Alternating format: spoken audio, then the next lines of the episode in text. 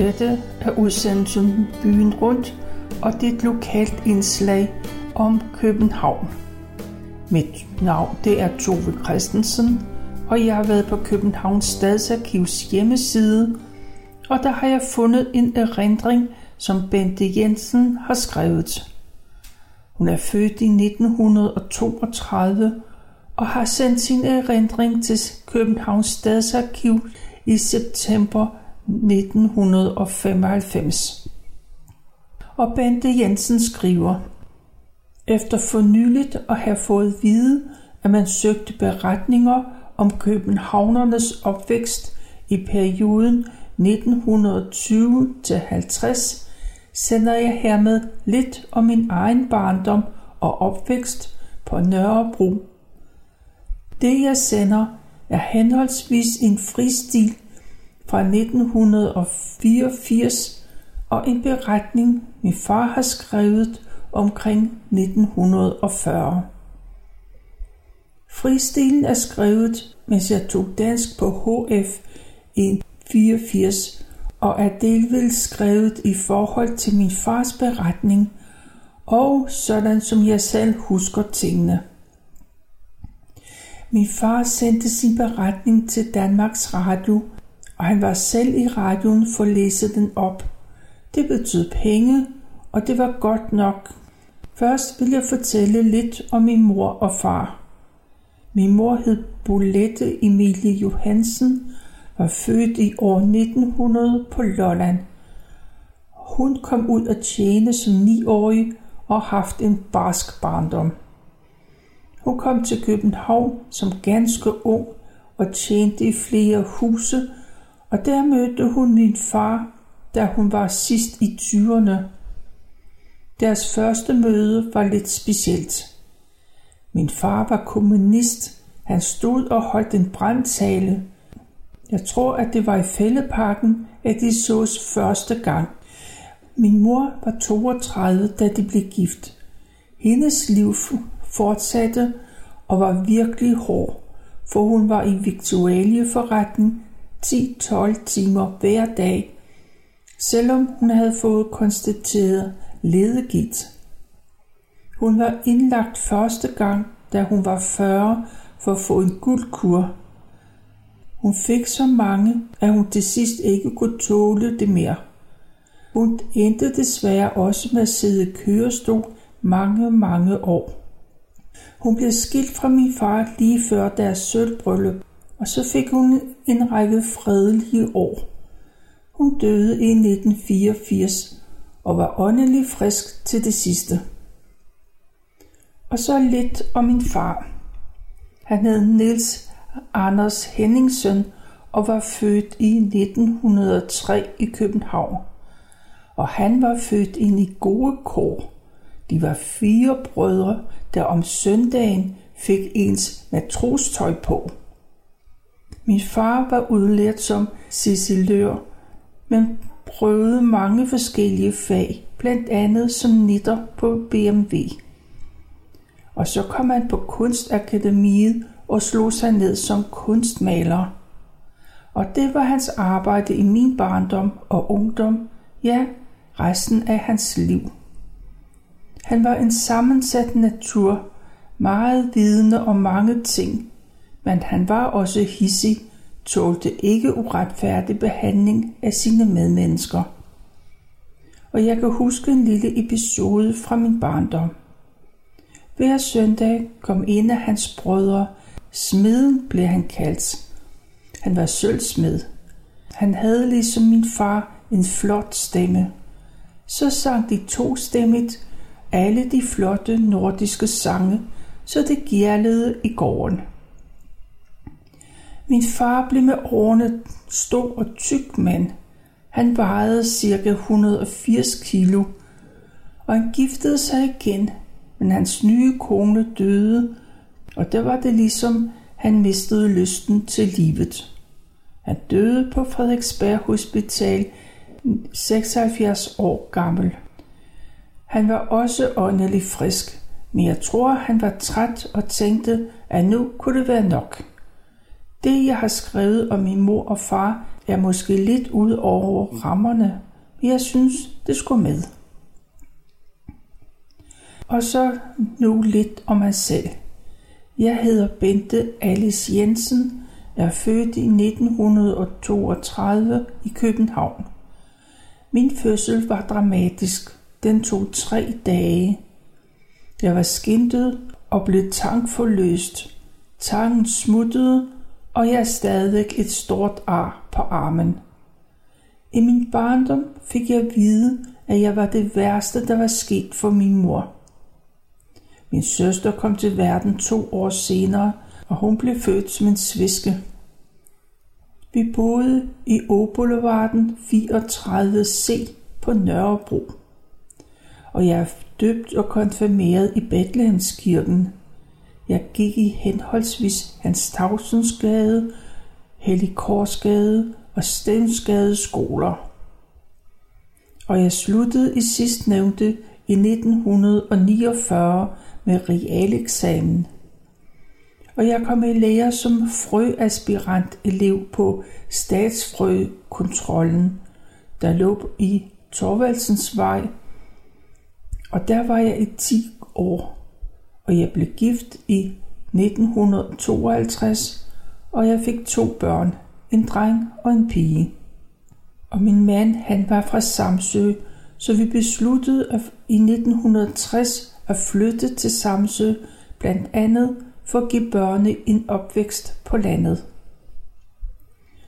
Og så er der brudstykker fra en barndom. Da min far døde for nogle år siden, efterlod han sig ikke meget af det, man kalder jordisk gods. Men jeg arvede et gammelt almuechatol med mange små skuffer, hvor indholdet lå der endnu min gamle salme- og poesibøger osv. Men også der var gamle salme- og poesibøger osv. Men også en beretning fra hverdagen, som min far kaldte den. Det var en artikel, som far skrev for cirka 54.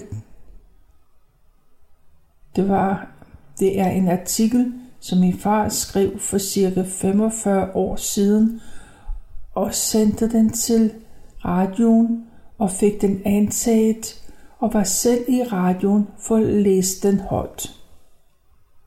Så det var jo fint, for det betød penge i huset, i et hjem, hvor der altid var mangel på penge. Den beretning satte så mange tanker i gang hos mig, at jeg fik lyst til at skrive lidt om min barndom, sådan som jeg oplevede den, også i forhold til det, som min far har skrevet. Og rammen om barndommen, det var altså Åboulevarden 34, nummer A, B, C, D og A, B, C, D, E og F på Nørrebro i København. De var i femte etage. De var i femte sals højde med to lejligheder på hver etage. De fleste var beboet af børnerige familier. Vi var nu kun fire i vi var kun fire i min familie.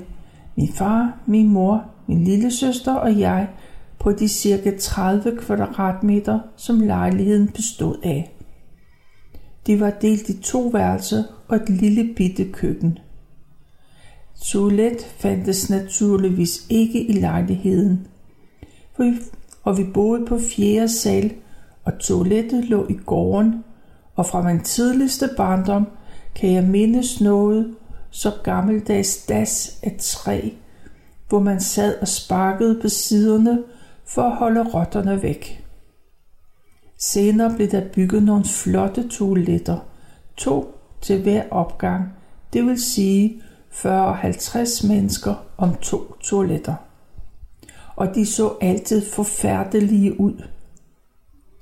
Min søster og jeg var heller ikke ret gamle, før vi fandt ud af enten at hugge eller få 10 øre. Så benyttede vi toilettet på Øresten i Ørstedsparken, og der var altid pænt.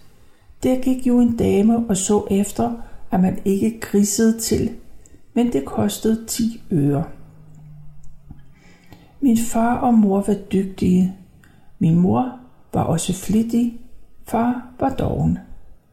Han kunne, han kunne flere fag, var udlært ciselør, men han begyndte i min tidlige barndom at arbejde som fidusmaler. Som barn var der en masse ting, man ikke forstår, og som voksen har man kunnet se det. Som barn er der altid en masse ting, man ikke forstår, men som voksen har man kunnet se det. Min far, han egnede sig ikke til forhold af længere varighed, og når, man, og når han skriver, at børnene fik først i de fattiges hjem, så var det ikke den opfattelse, jeg havde som barn. Til mine tidlige erindringer hørte mindet om slagsmål, og helt afgjort også det, at der ikke var mad i huset, men sult. Det var ikke fordi min far og mor var unge og grønne, da de var gift.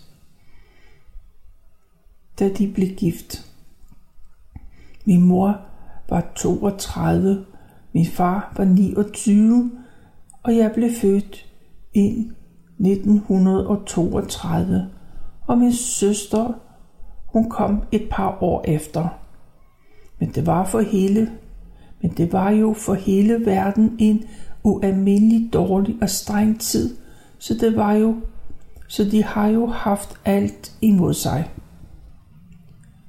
Da jeg læste min fars beretning, tænkte jeg alligevel, når, når nu han kunne se så meget og forstå så meget af det, der skete, så var det mærkeligt, at han på en eller anden måde lod til at forstå,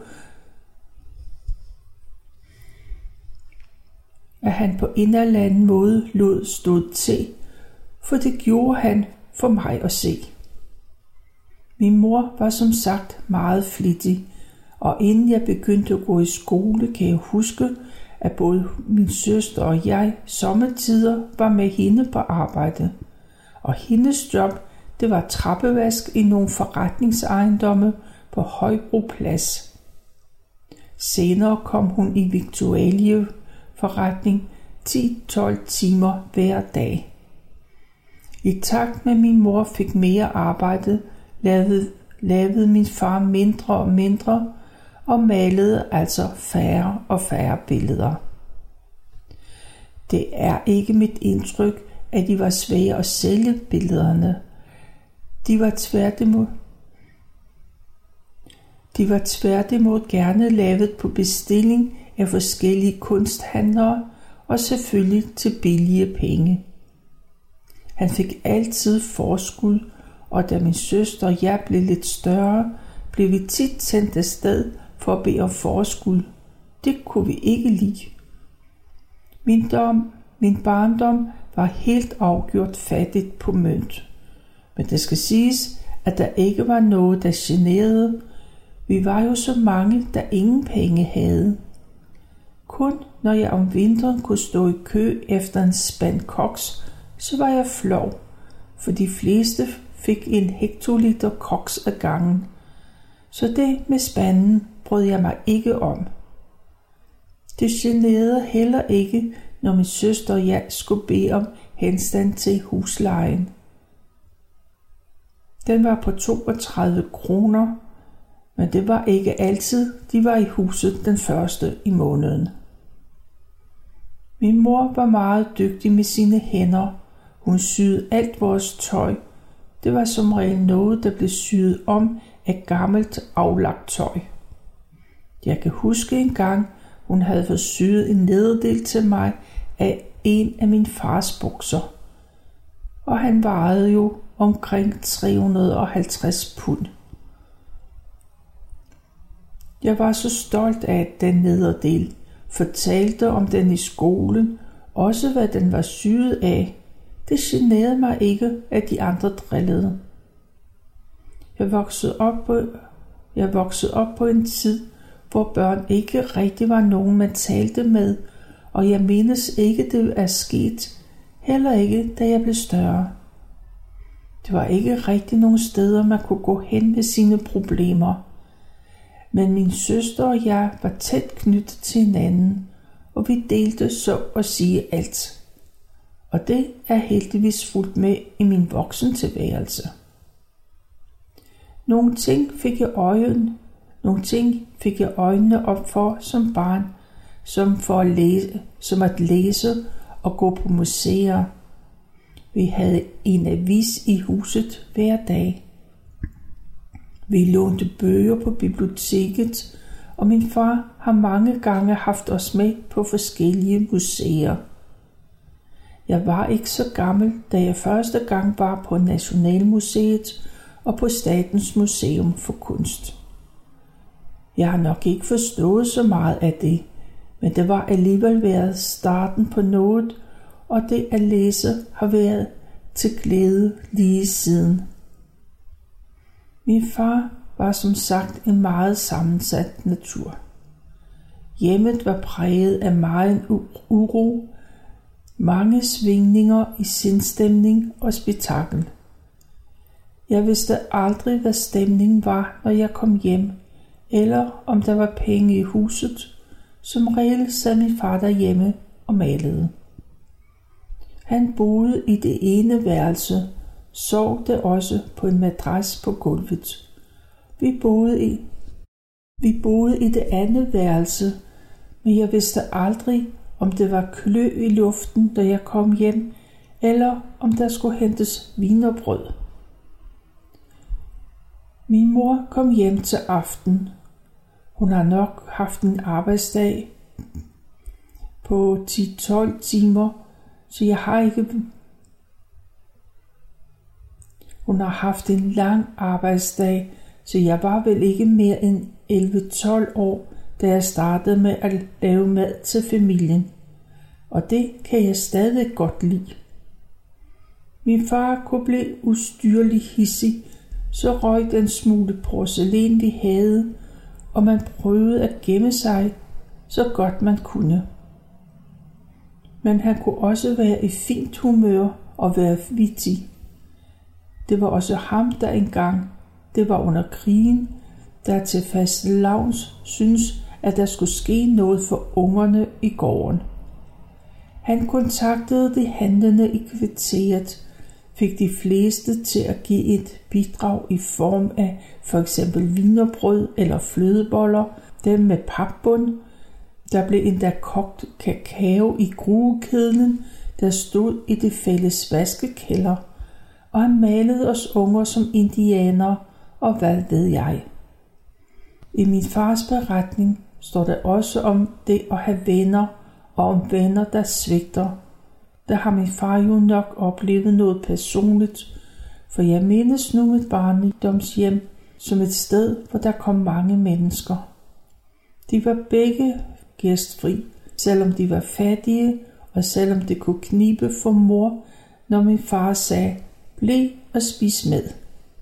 Min mor vidste jo, hvad spisekammeret rummede, eller rettere sagt ikke rummede. Så blev min søster og jeg sendt afsted for at tage på klods. Jeg kunne godt blive ved med at skrive om min barndom, men jeg vil slutte min episode, der står meget tydeligt for, for mig. Det var blevet konstateret, at der var væggelus i den ejendom, vi boede i. Vi fik besked på at forlade lejligheden, og vi fik endda et ophold betalt på et hotel. Men det syn, der mødte os, da vi kom hjem efter to dages forløb, var forfærdeligt. Svovlstanken kan jeg endnu mærke i næsen, og alt i lejligheden var falmet. Farven var gået af gardiner og tapet. Døde væggelus lå i alle rum, og da vi begyndte at fyre kakkeloven om vinteren, så trådte lugten frem igen. Trods den usikkerhed og utryghed, min barndom rummede, tror jeg alligevel, den har gjort mig bust. Man kunne sikkert være blevet rodet ind i en masse kriminalitet. Nogle blev, men jeg havde et holdepunkt, og det var skolen. Man skulle jo til prøve dengang i 5. klasse for at se, om man var egnet til at fortsætte i den bolige linje. Jeg fik lov til at gå videre i første mellem, og det må have kostet især min mor afsavn. Men der var jeg på rette hylde. Jeg trives i mellemskolen. Og da jeg sagde, at jeg også ville på realeksamen, var jeg ikke populær, for nu var det på tide, at jeg begyndte at tjene penge.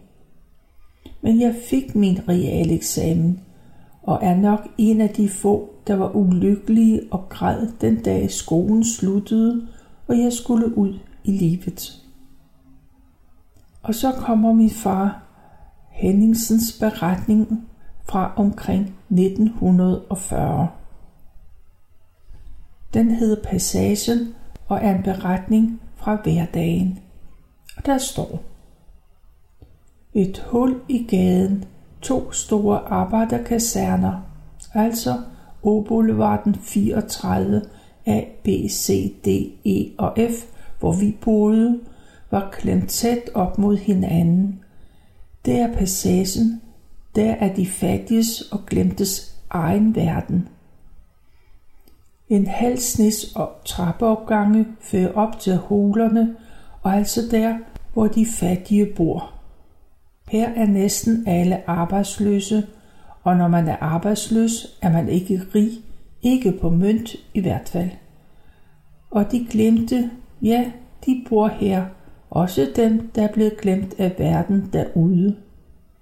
Verden, det pulserende liv, arbejdsmarken, hvor man blev, mens andre sakkede ud, og måske til sidst blev glemt af dem, som skulle have været venner, men ikke var det, når nøden bankede på døren.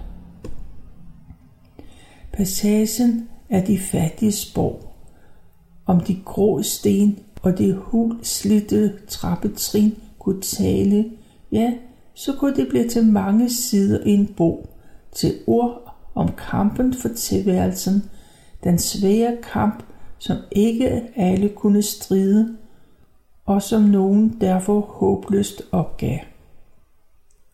Men passagen får dog også en lille solstrejf ind imellem.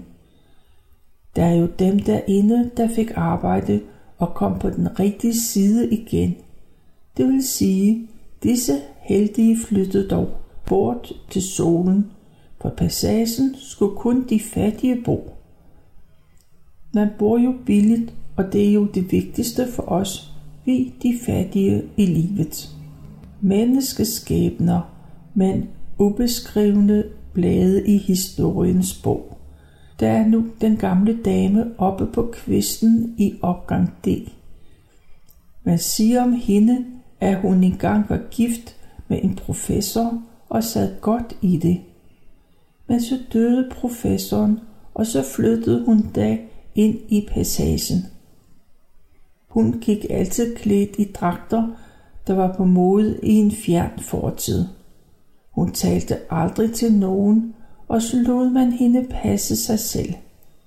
Man glemte hende, hvilket hun vel også helst selv ville. Og der var syresken i opgang B, en lille forslet kvinde, som altid sad oppe til langt ud på natten og slid. Hun syede for et magasin, og der skulle bestilles noget for at klare en dagløn. En skønne dag blev hun sat på gaden af kongens fod. For maskinen støjede for meget, og så var hun for øvrigt altid bagefter med huslejen. Stakkels menneske. Ja, sådan taler passagen sit eget sprog, og hult og indeklemt lyder det, for her er ikke meget plads. Det synes som om de bygherrer, der for årtier siden byggede disse to store skumle kaserner, kun har haft for øje at stue så mange mennesker sammen som muligt, og på så lille plads som muligt, hvilket må siges at være lykkedes ret godt. Og nu den daglige trædemølle for disse mennesker. Ja, nogle af os kender jo feduserne, og så kan det til nød gå. Til nød altså. Her er det med at være oppe før en vis herre får sko på, og over hos bageren, før andre kommer til, og så køber man billigt, nemlig af det brød, der blev til overs fra dagen i forvejen. Og sidenhen hos slagteren og redder sig noget affald, billige ben eller sådan noget, hvis man der har nogen mønt. Eller står den på kaffe og vinerbrød, er det fra i går altså. Det hænder, at man slet ingen mønt ejer. Er man så gode venner med de handlende, kan man måske opnå en ringe kredit, men det er dog kun meget få udvalgte, som nyder en sådan begunstigelse. Ellers spænder man livrammen ind, som det hedder, og holder faste dag. Det vil sige, har man børn, går det jo ikke. Så må man sætte himmel og jord i bevægelse for at redde situationen. For sådan et par små fyre kan jo ikke gøre for, at de er født i en arbejderkaserne og er fattige forældre. I det hele taget er det min bestemte opfattelse, at de fattige og arbejdsløse hjem, der får børnene først. Heldigvis da. Vi andre må så vente. Og børn er der nok af. Dagen lang leger de dernede i den smalle strimmelgrå, og raske gutter, som deler godt og andet med deres fattige forældre og går ombord i en tør rubrødskorpe, om galt skal være. I den senere tid er der gået rygter om, at kasernerne her skal rives ned og alt det gamle væk. Her skal bygges en stor, moderne ejendom. Men det er vel ikke altid, at rygterne har noget på sig. Ellers ser det vist også galt ud for mange af os. Vi kan jo ikke bo i dyre lejligheder. Nej, den går ikke. Her i passagen kommer der ofte en smuk, sort lakeret bil, og to mænd i uniform stiger ud og forsvinder op af de slidte trappetrin og en borger imellem sig. Sygebilen. Kom, skal I se sygebilen. Sådan lyder det fra børnene. Gav vide, hvem det nu gælder, siger de ældre. Det hænder, at den, som bliver hentet af den smukke bil, ikke mere vender tilbage. Men sådan er vel livet, også for de små i samfundet. Og passagen er vel også trods alt en del af livet, nok en fattig, en ringe del, men her er også mennesker, mennesker i hvem håbet lever. Håbet om en plads derude i solen. For vel er der håbet, vi mennesker lever på, hvad enten vi nu er rige eller fattige på jordisk gods.